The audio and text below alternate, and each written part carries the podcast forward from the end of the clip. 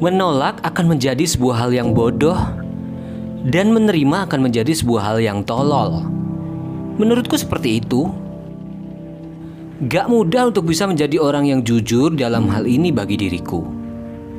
Di sisi lain, jelas aku ada gejolak, dan di sisi lain, pikiran alam bawah sadarku selalu mengingatkanku akan dosa. Kadang-kadang juga pendirian teguhku mulai perlahan runtuh terkena satu badai dua badai.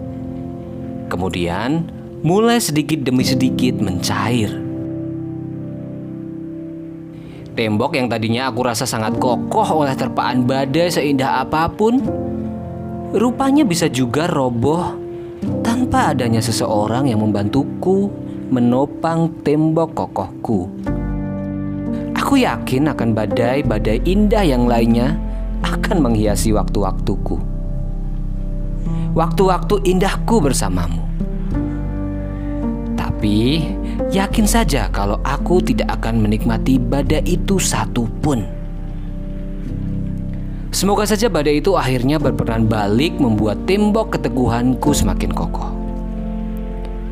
Badai-badai itulah yang nantinya kuharapkan akan mengabarkan kepada badai-badai yang lain bahwa aku tidak akan goyah.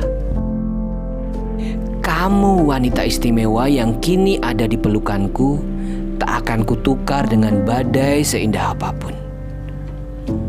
Meski kadang gejolak ini ada, tapi percayalah bahwa aku sudah tahu bagaimana cara berdamai dengan para badai mempesona itu.